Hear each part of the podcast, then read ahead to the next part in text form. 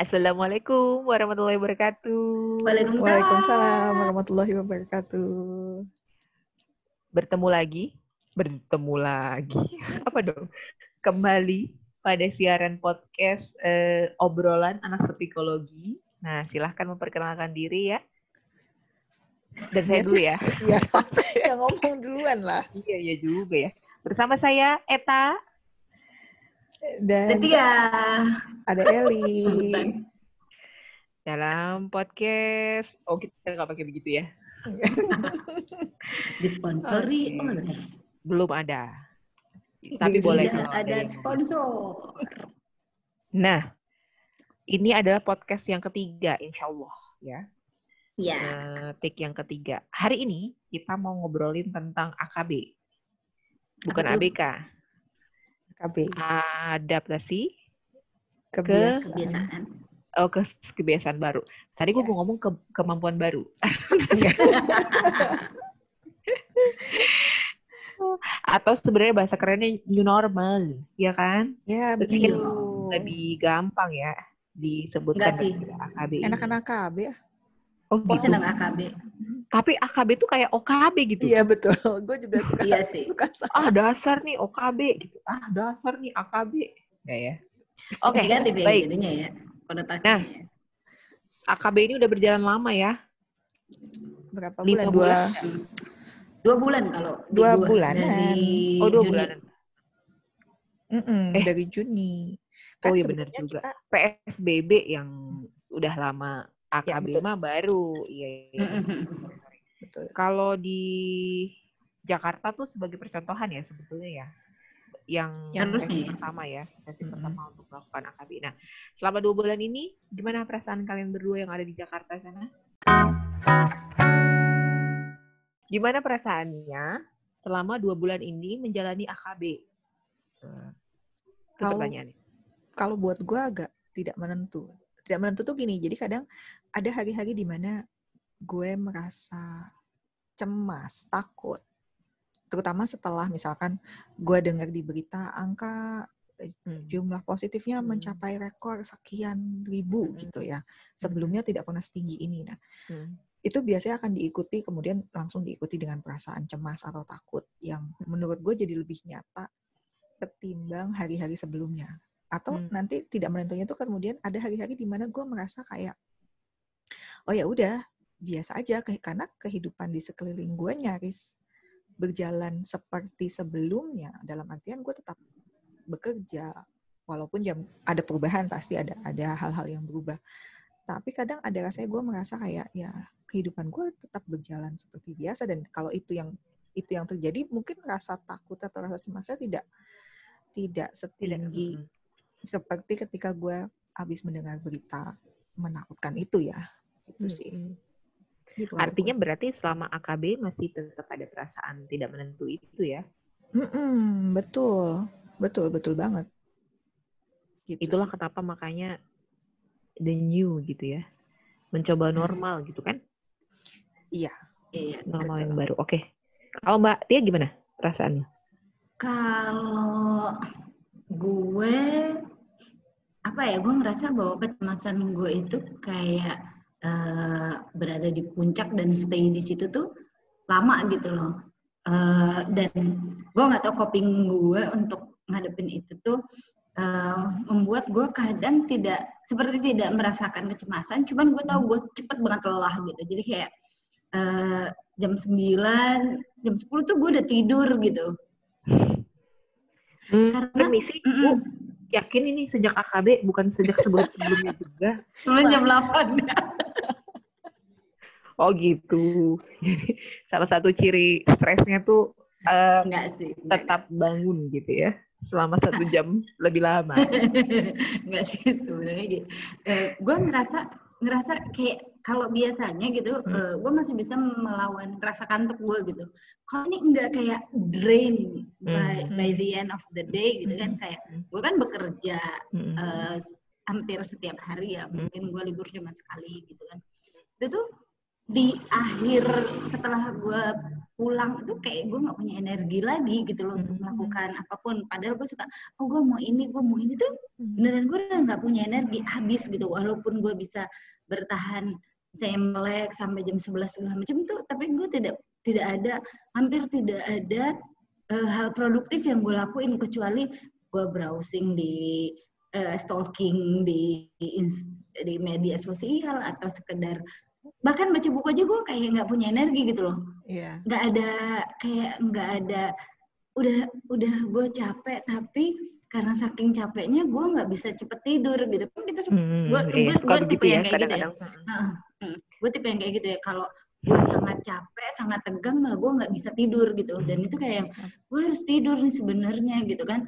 Udah kayak semua sistem itu udah mulai redup tapi mata gue eh tapi mata gue nggak berhenti berpikir karena dia itu kali ya gue masih akan baik-baik aja nggak sih Mm, mm, gue mm, masih ini terus terus berpikir kayak gitu cemas itu Berarti tetap gue Akarnya tuh masih ada kecemasan ya.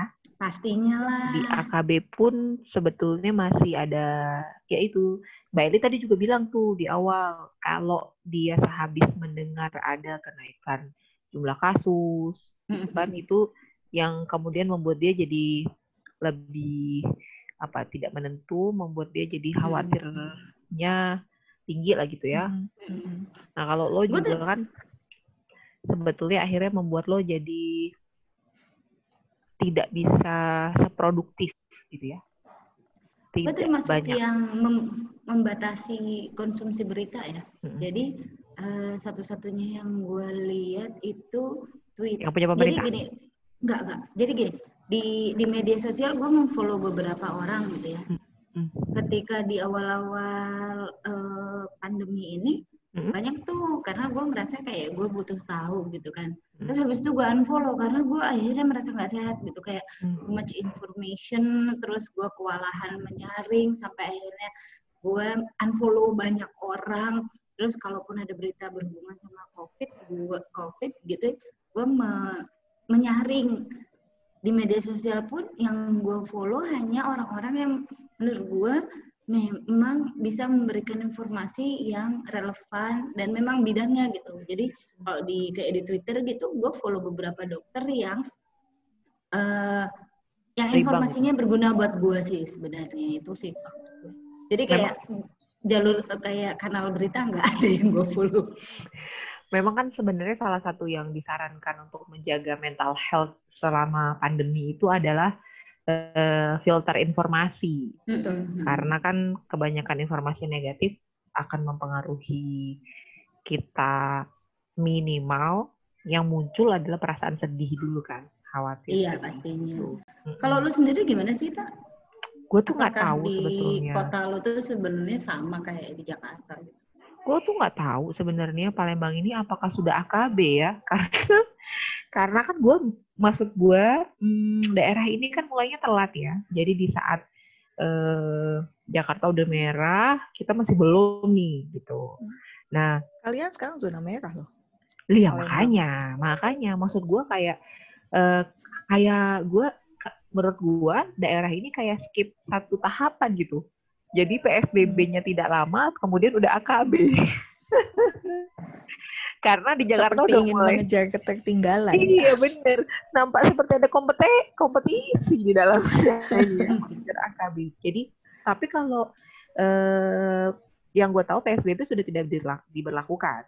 Artinya sih eh, walaupun nggak ada statement bahwa oke eh, Palembang udah AKB gitu ya, tapi Mm. beberapa pusat perbelanjaan udah buka. Itu kan sebenarnya salah satu ya, salah satu tanda lah. Eh, kalau AKB sudah berjalan tuh pusat perbelanjaan lah yang gampangnya ya kan, resto-resto eh, apa namanya tempat makan gitu-gitu. Nah, Karena ekonomi harus berputar ya. tuh orang udah mulai kembali kerja, udah nggak ada work from home ya. Hmm. Di sini tuh sejak awal work from home itu nggak nggak terlalu nggak terlalu banyak. Mm. Saya tidak terlalu kalau di Jakarta kan sempat semuanya kompak gitu ya work from home. Kalau di sini tuh eh, ada yang iya, ada yang enggak. Gitu. Nah di masa AKB ini, gua eh tadinya sih tadinya sebelum gue keluar ya sebelum gue aktif kembali bekerja tuh gue meras gue sebenarnya takut takut dan panik. Tapi gue Hmm. melihat ketika di tempat kerja tuh kenapa gue sendiri yang takut ya gitu. Gue melihat ini udah bukan adaptasi kebiasaan baru. Sudah nampak normal di sini. Tapi itu malah menurut gue membuat gue semakin panik. Hmm. karena eh semakin banyak orang yang tidak menjaga dirinya itu kan semakin kita lebih rentan untuk terpapar ya ya nggak sih Mhm. kalau betul. semua orang pada skala kesiagaan yang sama kan jadinya lebih secure lah kita ya lebih Mhm. aman kalau ini tuh enggak tapi ya nggak tahu lah gue sedang beradaptasi juga dengan dengan kesantuyan ini ya kesantaian ini cuma guys tetap lah kalau gue yang udah pasti berubah kalau perasaan yang ditanya sih sebenarnya sekarang gue bingung Mm. mungkin sama ya kayak Mbak Eli ketidakpastian ya bingung sebenarnya gue harus harus gimana sih ini sebenarnya gitu Hmm. karena gue juga tip- eh, membatasi informasi sama sekali Hmm. jadi gue cuma sesekali aja kalau pengen tahu baru gue buka lah situs pemerintah yang ada angkanya itu ya kalau enggak ya udah eh, paling gue nanya-nanya sama teman-teman yang dokter lah paling tidak kan kayak dari sisi medisnya lebih jelas gitu ya dasarnya gitu Betul. Nah, cuma eh gue pribadi masih membatasi gue. Gue pribadi masih membatasi pergerakan. Hmm. Kayak gue belum mulai terima apa namanya eh praktek di rumah sakit gitu ya. Ngeri coy. Iya, benar. APD Iya. APD dah. Gitu kan. SKP SKP dah gitu. Gue kayak oke lah gue nggak dapet SKP. Sekarang gue punya bayi kan.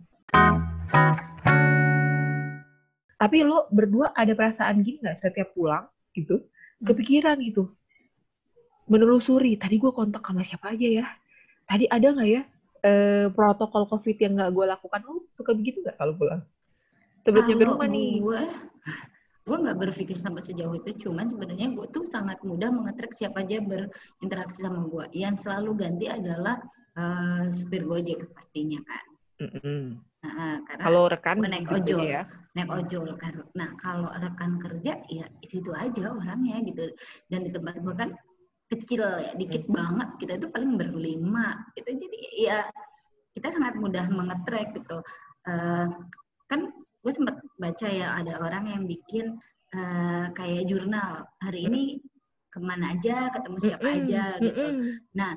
gue beru gue nggak punya nggak punya jurnal sih jurnal itu tapi gue bisa nge-track karena ya gue ke situ-situ doang gitu loh Hmm. gue cuman dari rumah ke tempat kerja terus balik lagi gitu dan eh, biasanya kalau pulang gue nebeng sama temen gue baru gue naik ojol jadi sebenarnya yang tidak bisa dalam tanda petik ya yang tidak bisa yang selalu berganti sih supir ojolnya doang Kalau gue nggak bisa dan nggak bisa dan gue memilih untuk tidak mentris ya karena bikin gue terbebani jadinya.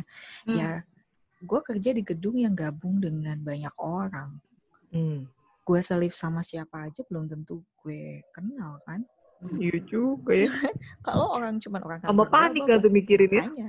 Akhirnya gue sih tidak sampai segitunya ya karena gue pikir jadi beban nanti buat gue dan itu kan menambahkan kecemasan lagi.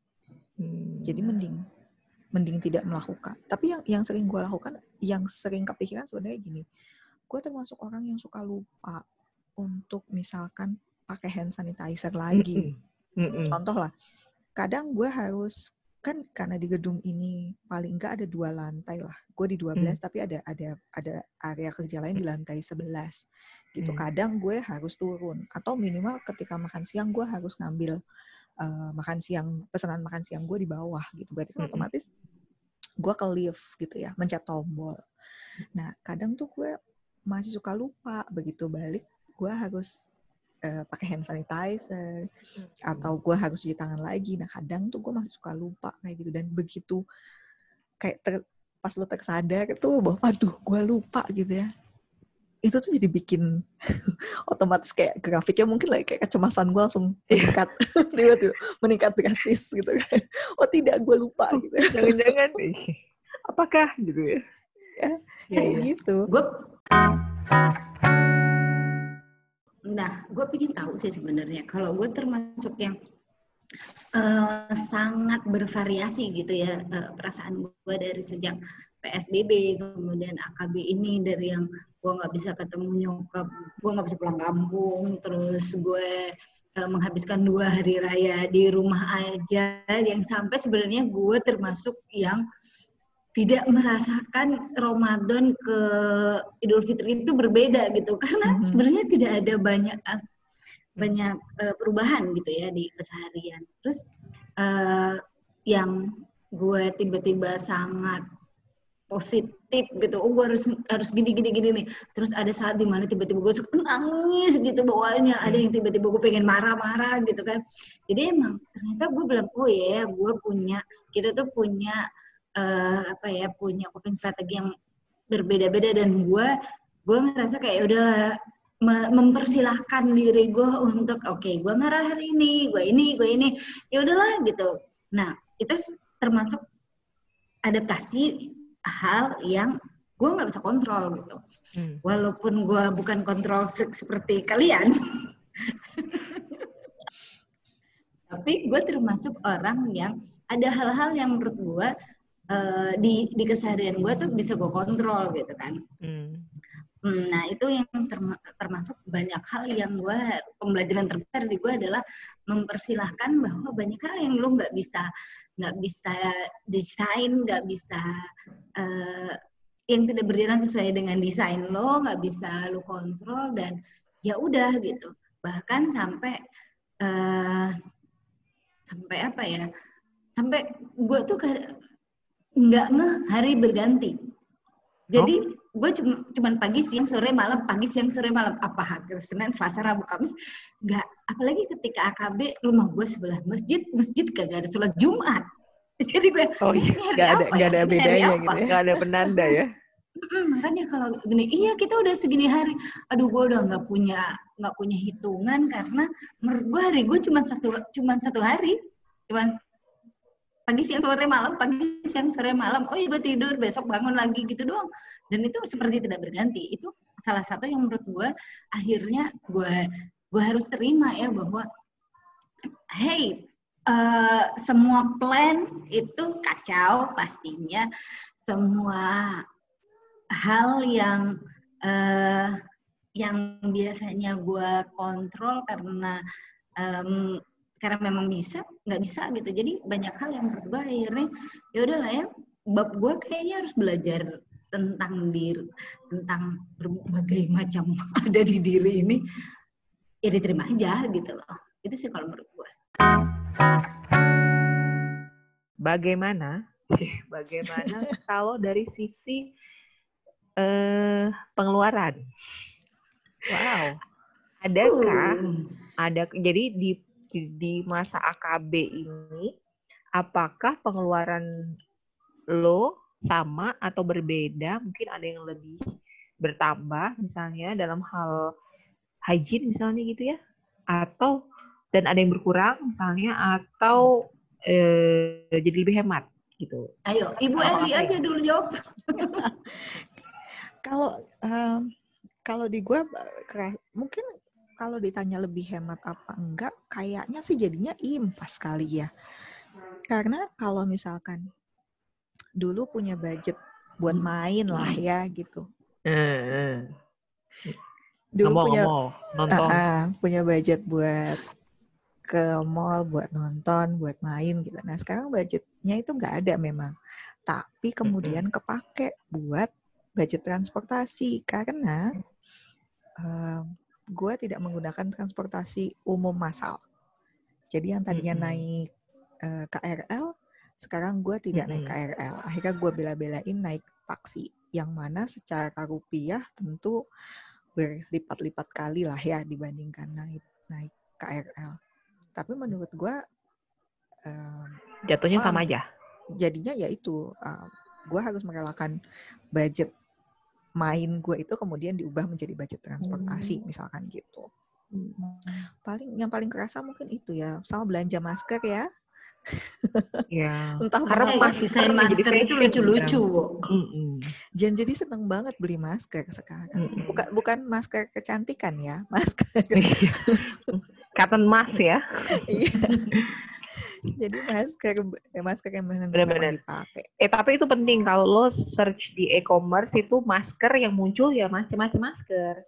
Iya. Jadi harus masker katun misalnya. Iya, spesifik Masker- memang betul. Ya betul. Betul betul. Lo Mbak Tia gimana? Secara ekonomi aman? Ada yang berkurang? Pemasukan yang pasti sih. Iya. Dan harus beradaptasi berarti dengan ini. Oh iya, terus sama sih kayak Eli. Kalau dulu kan gue termasuk yang menikmati naik kendaraan umum ya, karena kayak kalau naik, gue naik bus, bus biasanya sama angkot. Itu eh, ada momen di mana, biasanya pulang sih terutama, ada momen di mana gue menghabiskan eh, targetan baca gue di situ. Oh, kirain memulai Hmm. tidur malam lebih cepat di angkot. nah, tapi selama ini eh, PSB, eh selama KB ini ya, gue mau nggak mau eh, harus ekstra ya untuk pengeluaran transportasi. Karena jaraknya nggak deket dari rumah ke kantor terus udah gitu. Satu lagi sebenarnya hmm, lupa gue ya ya itu udah jelas. Oh tapi kan gue nggak nge-mall jadinya gue nggak nonton gue nggak sebenarnya banyak kebutuhan tersier gue yang tidak gue ya itu berkurang jauh. Cuman ya tadi aja eh, transportasi yang berasa banget untuk nah pengeluaran terbesar ya. Hampir kayak dua kali lipat sih kalau gue itu. Oh. dan eh, satu-satunya pemasukan ya dari tempat gue kerja sekarang. Kan biasanya ada yang dari lain kan terus Ya. Sebagai asongers ya, macam kita ini, ngamen pengamen. Lo apa, Tak?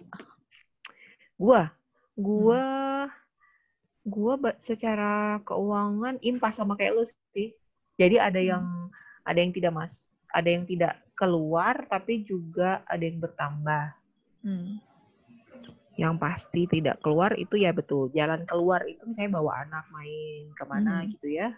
Itu kan lumayan tuh ngabisinnya. Iya. Tapi kan eh, diganti dengan tambahan suplemen ya. Iya, betul. Soalnya soalnya gue kayak satu-satunya yang membuat gue merasa tenang itu adalah dengan meyakini anak-anak pola makannya oke sama tambahan suplemen ya. Kalau sebelumnya kan Mm-mm. nggak terlalu sih karena anak Mm-mm. gue juga bukan tipikal yang eh, apa namanya maksudnya kalau di grafik itu masih di dalam grafik terus kan artinya kan sudah ke- kebutuhan gizi sebenarnya bisa dibilang cukup kalau di Mm-mm. dalam grafik cuma kalau sekarang jadi kayak lebih lebih apa namanya intens gitu ngasih suplemen tambahan ya terutama vitamin C lah apalah gitu ya pokoknya bener-bener ini eh, apa namanya eh, membuat gue yakin kalau ada yang sudah gue upayakan gitu lebih gitu menghadapi sesuatu yang tidak terlihat ini Iya.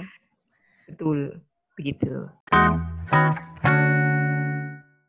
nah Hmm. oke itu dari segi perasaan kita di, udah udah ngomongin finansial kita udah ngomongin. Nah sama kayak judulnya nih adaptasi kebiasaan baru. Apa kebiasaan baru yang lo munculkan di masa AKB ini?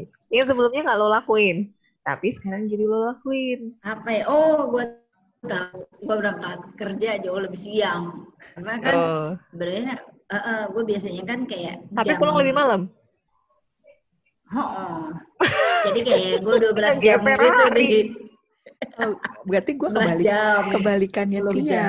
Gue jadi berangkat Hmm. lebih pagi, pulangnya lebih sore. Karena jam kerja kan berubah Oke. di tempat gue.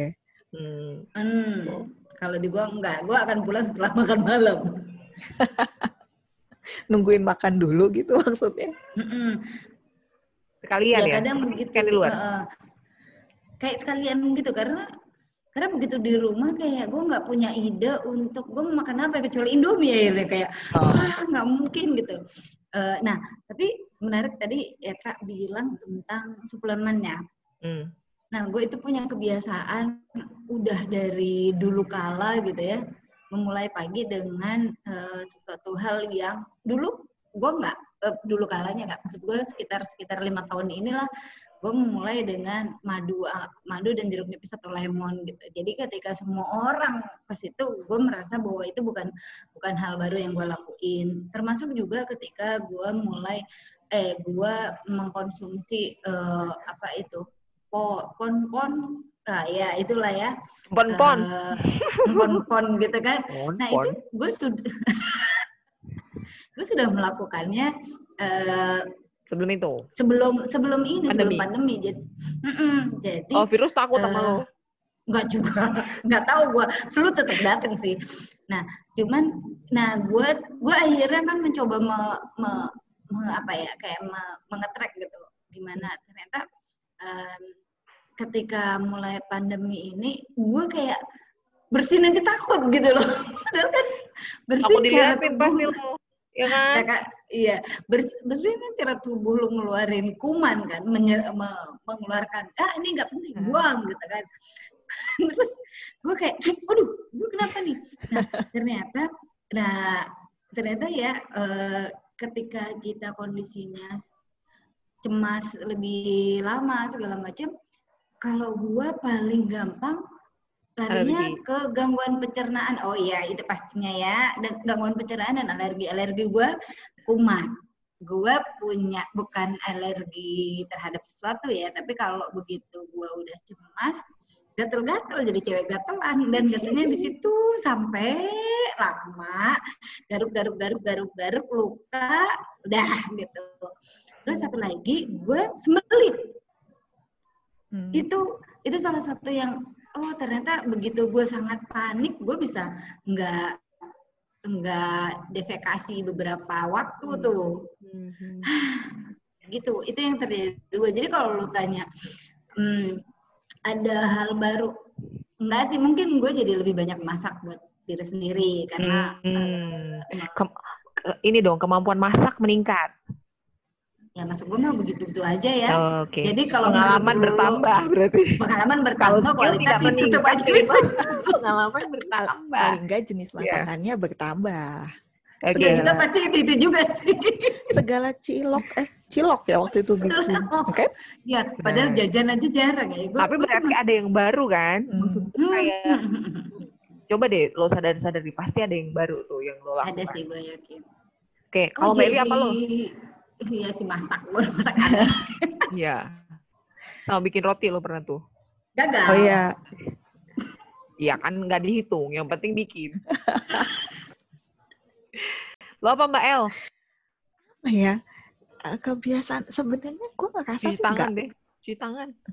Hmm. Gue kasih clue nih, cuci tangan. Cuci, cuci tangan, cuci tangan juga nggak nggak ini. Hand sanitizer iya, jadi lebih sering sampai tangan gue oh kering. Tapi yang pasti kayak ya standar lah ya kayak misalkan pakai masker dulu. Tadinya adalah orang yang nggak betah lah. Sebelum ini kan sebenarnya sudah banyak orang pakai masker kalau di di apa perjalanan. di luar lah, ya, di perjalanan. Dan tadinya gue termasuk orang yang nggak betah pakai masker. Kalau sekarang akhirnya gue betah bahkan kalau di ruangan pun gitu di dalam ruangan juga tetap pakai masker karena kan memang di sini juga diwajibkan tetap oh. pakai masker walaupun di dalam ruangan. Hmm. Jadi ya paling itu. Sisanya kalau misalkan kayak apakah ada skill baru? Enggak juga gue. Yakin. Enggak apa coba? Hmm, uh, tahu. Tadinya ya. Kayak tadinya tadinya ya seperti kan karena di awal wah kita bakalan WFH oke okay, gue bakalan punya waktu luang nih gitu Enggak tuh ternyata. Tadinya udah ada niatan, oke okay, gue punya waktu luang, gue mau melakukan ini, itu, ini, itu. Ternyata enggak juga saudara-saudara. karena mungkin karena waktu itu masih uh, ada tugas kuliah yang harus gue selesaikan. Jadi akhirnya waktu luang dipakai buat menyelesaikan tugas kuliah itu. Gitu. Ternyata enggak juga. Ternyata enggak juga. Masak, ya kalau di rumah kalau di rumah ada bahannya. Gitu. Eh, nggak uh, berani gue masak. Kenapa? Takut kalah saing ya? Ya karena takut masih... dinilai jajing. Takut iya, iya. dinilai. Gitu sih. Jangan kalau lo tak jangan-jangan gue gitu juga ya. Sukanya, kan gue kayak netizen yang menyemain. Gue, gue yang paling signifikan nih, gue, gue ini nih, gue menyadari nih, gue yang paling signifikan cuci tangan dan meminta anak-anak cuci tangan, membiasakan. Hmm. Eh, Gue termasuk enggak sih. dan Karena dan, gue cuci dan, tangan dan. udah tiap hari, tiap saat gitu. Nah itu gue kan sebelumnya enggak tuh, tapi gue sejak dapat insight dari teman gue yang dokter itu ya tentang bahwasanya tuh cuci tangan le- membunuh lebih lebih efektif dibanding hand sanitizer sebetulnya. Hmm. Dan efeknya itu lebih lebih minim ya kalau hand sanitizer apalagi yang bentuknya gel kan sebetulnya nanti ketika lo makan atau tersentuh dengan yang lain itu kan bisa bisa ada side effect lah ya. Eh, Hmm. apa sih? Ya efek samping eh ala gue. Nah, gue tuh lebih, sekarang menjadi lebih sering cuci tangan. Hmm. Dan itu dampaknya ternyata gue sadari anak gue itu ya udah lama banget nggak flu loh. Hmm. Jadi sebelumnya selama ini dari lu. Gue rasa dari mamanya. Enggak, tapi kan maksudnya dan itu kan eh, kan anak gue satu di daycare, satu masih di rumah ya. Nah Hmm. di daycare itu kan pimpong efeknya. Jadi Ya, betul. eh, eh, setiap bulan tuh kemungkinan akan ada yang batuk pilek lah ya. Dari mana? Dari mama-mamanya juga masing-masing. Nah dengan sering cuci tangan ini baik di rumah maupun di daycare itu jadinya jarang sakit. Beneran deh. Terutama flu. Flu itu kan sama lah ya. Sumbernya masuknya ya dari kita menyentuh dan kemudian nggak cuci tangan, terus ke mulut, hidung gitu kan ya jadinya flu. Gitu. Nah itu yang gue gua gua sadari banget ya menjadi kebiasaan baru. Apa-apa cuci tangan, apa-apa habis itu cuci tangan, apa-apa habis itu cuci tangan. Nah, gitu. Rekreasi, bentuk rekreasi seperti apa yang kalian jalani di masa AKB? Nah, Hmm, gue, Hmm? gue membaca lebih banyak komik Bravo. online. Online. Komik. Tapi, Bravo tetap. tapi Hmm. justru, oh tunggu gue jadi eh, kalau ditanya, gue sempat memaksakan untuk eh, setiap pagi baca satu buku yang Tapi itu Eh, rekreasi bentuknya buat lo. Maksud gue itu terasa Iya, iya. rekreasi. Mm-mm. Iya, jadi karena gini, Menghibur, bentuk Ah, hiburan ya. jadi kan gini, eh, gue punya jeda tuh dari bangun sampai nanti gue akan siap-siap dan berangkat gitu kan. Jadi kayak pagi gue menikmati ketika gue cuman du- eh, membuat tadi madu dan minuman hangat lah ya, madu dengan biasanya dengan lemon atau jeruk nipis itu. Terus gue duduk, gue nyalain speaker eh, portable gue, terus gue baca satu bab aja. Gue seneng aja di situ tuh sampai, oh iya, Oh, Oke. ternyata kayak matahari udah mulai kena di tempat duduk gue itu artinya gue sudah sekitar jam tujuan gitu. Oke, abis itu biasanya gue udah mulai melakukan hal yang lain. Tapi kayak ada nampak nampak ada pendekatan mindfulness di situ ya. Enggak sih, Kan. nggak tahu sih gue nggak ngeh sebenarnya mindfulness itu apa. Iya matahari, suara dari Menyadari. Ter- Iya, betul. rasa lemon yang bercampur dengan madu. Uh, Wow. uh, mindful sekali. Betul. Oke, nah ini lucu ya, maksudnya rekreasinya kemudian menjadi sesederhana itu, nampak sederhana. Kalau sebelumnya kan kita mencari mencari di luar ya, sekarang kita menciptakan. Kalau lo El, apa lo Mbak, Mbak tadi bentuk rekreasinya? Yang lo sadari bahwasanya ternyata mall tanpa mall dan kegiatan rekreasional di luar sana Nonton di YouTube. kehilangan. Nonton YouTube, betul. Sama dong. Kenapa sih kita sama terus? Tadinya tuh gue enggak loh. Tadinya tuh gue bukan Bohong kamu. Bohong kamu. enggak gini-gini. Tapi gue menyadari yang signifikan adalah gue berkurang ngelihat Instagram, tapi meningkat untuk lihat YouTube. Hmm. Karena jadi di akhir-akhir ini tuh gue menyadari bahwa kalau gue kondisinya sedang tidak baik-baik saja, dalam artian Mhm. mungkin kalau gue lagi kayak ngerasa gue sedih atau gue marah, gue cenderung menghindari Instagram karena gue merasa bahkan gue pun menampilkan apa yang gue tampilkan di Instagram sesuatu yang menyenangkan, Ada yang baik. Oh, iya, hal yang baik. Tapi gue tidak Yang merasa yang ingin yang ingin orang lain lihat ada kan itu yang Iya, yang, iya, yang iya, menyenangkan. betul-betul. Tapi kalau lo kondisinya sedang tidak baik, ternyata lo tidak bisa menerima atau merasakan kebahagiaan itu gitu loh tidak tidak bisa ikut senang tidak bisa ikut merasakan kesenangannya gitu yang ada biasanya nanti jadi muncul justru munculnya kayak iri kayak marah kenapa orang jadi Mm-mm. merasakan seperti ini sedangkan gue enggak gitu Mm, Itu sebabnya mm, makin iri iri. Iri udah pasti lah ya yang muncul. Dan Hmm. menurut gue itu satu hal yang wajar. Jadi makin ke sini gue menyadari bahwa kalau kondisi gue sedang tidak baik-baik saja biasanya gue akan sangat jarang buka Instagram. Kalau di YouTube yang gue cari biasanya uh, stand up komedi. Hmm. jadi kan bentuknya udah cuplikan-cuplikan kan pendek. Jadi gue tidak perlu nonton yang panjang gitu. Jadi nonton yang cuma kayak 10 menit gitu. Mm, Eith- either stand up comedy atau Hmm. talk show atau musik gitu. mhm, Jadi itu lebih menghibur sih. Kalau Hmm. TV kan nggak bisa milih ya kita ya. Maksudnya Mm-mm. kalau YouTube kan begitu lo nggak suka lo bisa skip. Iya skip oke. Setuju gue. Gue juga YouTube meningkat. Tapi gue mah vlog jalan-jalan ya Ella. kan gue rasa guilt kayak guilty pleasure kita kan macam-macam ya. Kalau Iya, iya, iya. ditanya eh, konsum eh, konsumsi YouTube gue juga meningkat. Lo tau apa yang gue liatin? Apa? Vlog orang yang gue nggak tahu dia ngomong pakai bahasa apa. Itu menyenangkan buat lo. karena karena gini, Sungguh, yang gue gue nggak suka dengan vlog yang banyak sekali bicaranya gitu kan. Hmm. Terganggu gue. Eh makanya gue perjalanan Cin. Supaya ngeliat doang pemandangan ya. Iya. Nah, Ya juga Terus sih. tapi tapi gue lebih spesifik lagi perjalanan naik gunung. Gue masa Oh. keren naik gunung.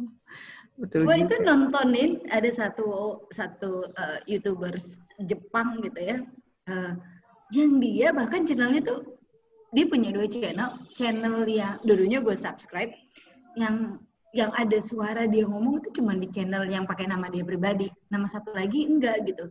Dan Dia gue ngapain? menikmati proses dia masak, masak, Oh, lah, membuat masak. sesuatu gitu kan. Tapi nggak pakai ngomong. Karena dia ternyata yang dia jual adalah uh, Alatnya. kayak mindful banget loh gitu. Oh, Kenapa ini dia- apa sih AS- namanya? ASMR. Iya, ASMR. Iya, dia ada dua. Eh, kalau dia setiap setiap launching di eh, YouTube masaknya dia itu ada dua, ada yang ASM, ASMR, ada yang enggak. Dan Hmm. gue justru tidak menikmati yang ASMR karena terlalu Gatel ya? Terlalu kuat. Nah, Gua gue juga kayak karena terlalu kuat kayak annoying Udah banget buat gue gitu ya? gitu. Iya. Oh, terus nah dia itu kayak misalnya gini kayak dia ter- tadi pagi yang gua tonton dia bikin bolu tomat.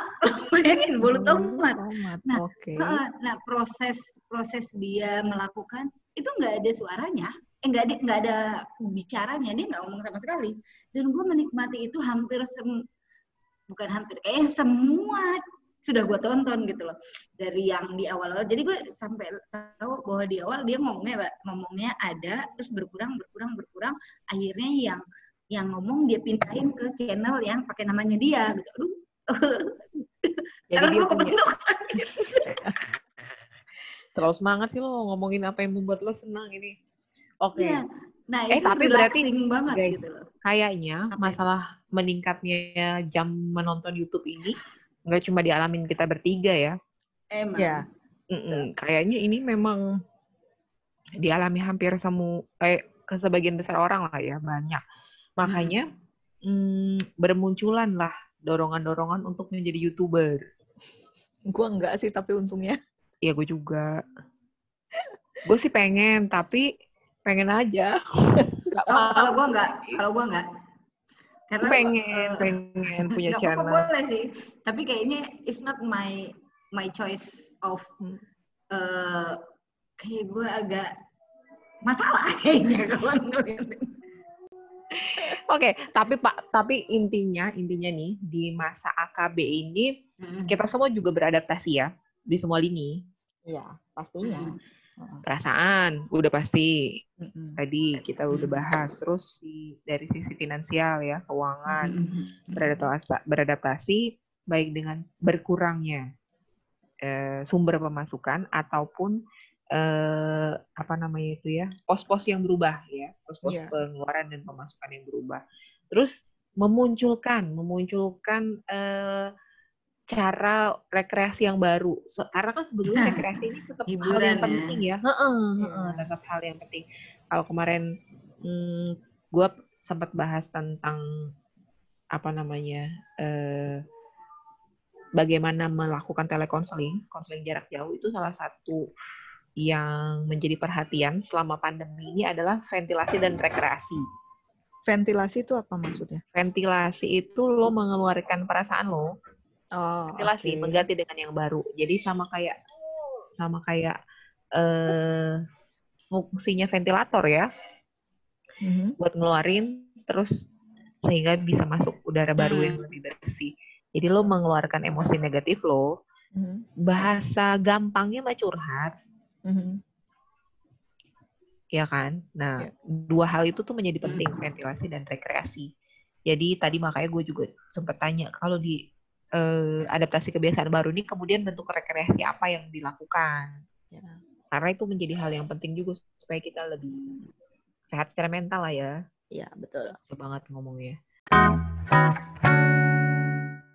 Oke, rasanya itu aja cukup atau ada lagi kira-kira? Kayaknya lebih dari 30 menit ya kita ngomong. Ember. Ya biasalah. Eh, Kalau suka gua keluar ini. Oke. Ada yang mau Udah. ngasih closing statement? Oh, enggak. Kapan Silakan Bu Eta. AKB ini berakhir? Apakah AKB ini akan berakhir? Atau ini akan eh, Iya. tapi kan in, seperti namanya ya, adaptasi, kebiasaan Adaptasi. baru. Ini adalah proses masih dalam proses adaptasi ya. ya, dan adaptasi adalah keterampilan manusia tertinggi ya. Iya. Hmm. Yang tidak dimiliki oleh Mamalia lain. iya, Adaptasi sosial. Kalau secara juga. fisik ada. Fisik mah ada. Iya. Ada. Sudah nampak ada ini ya, penampakan.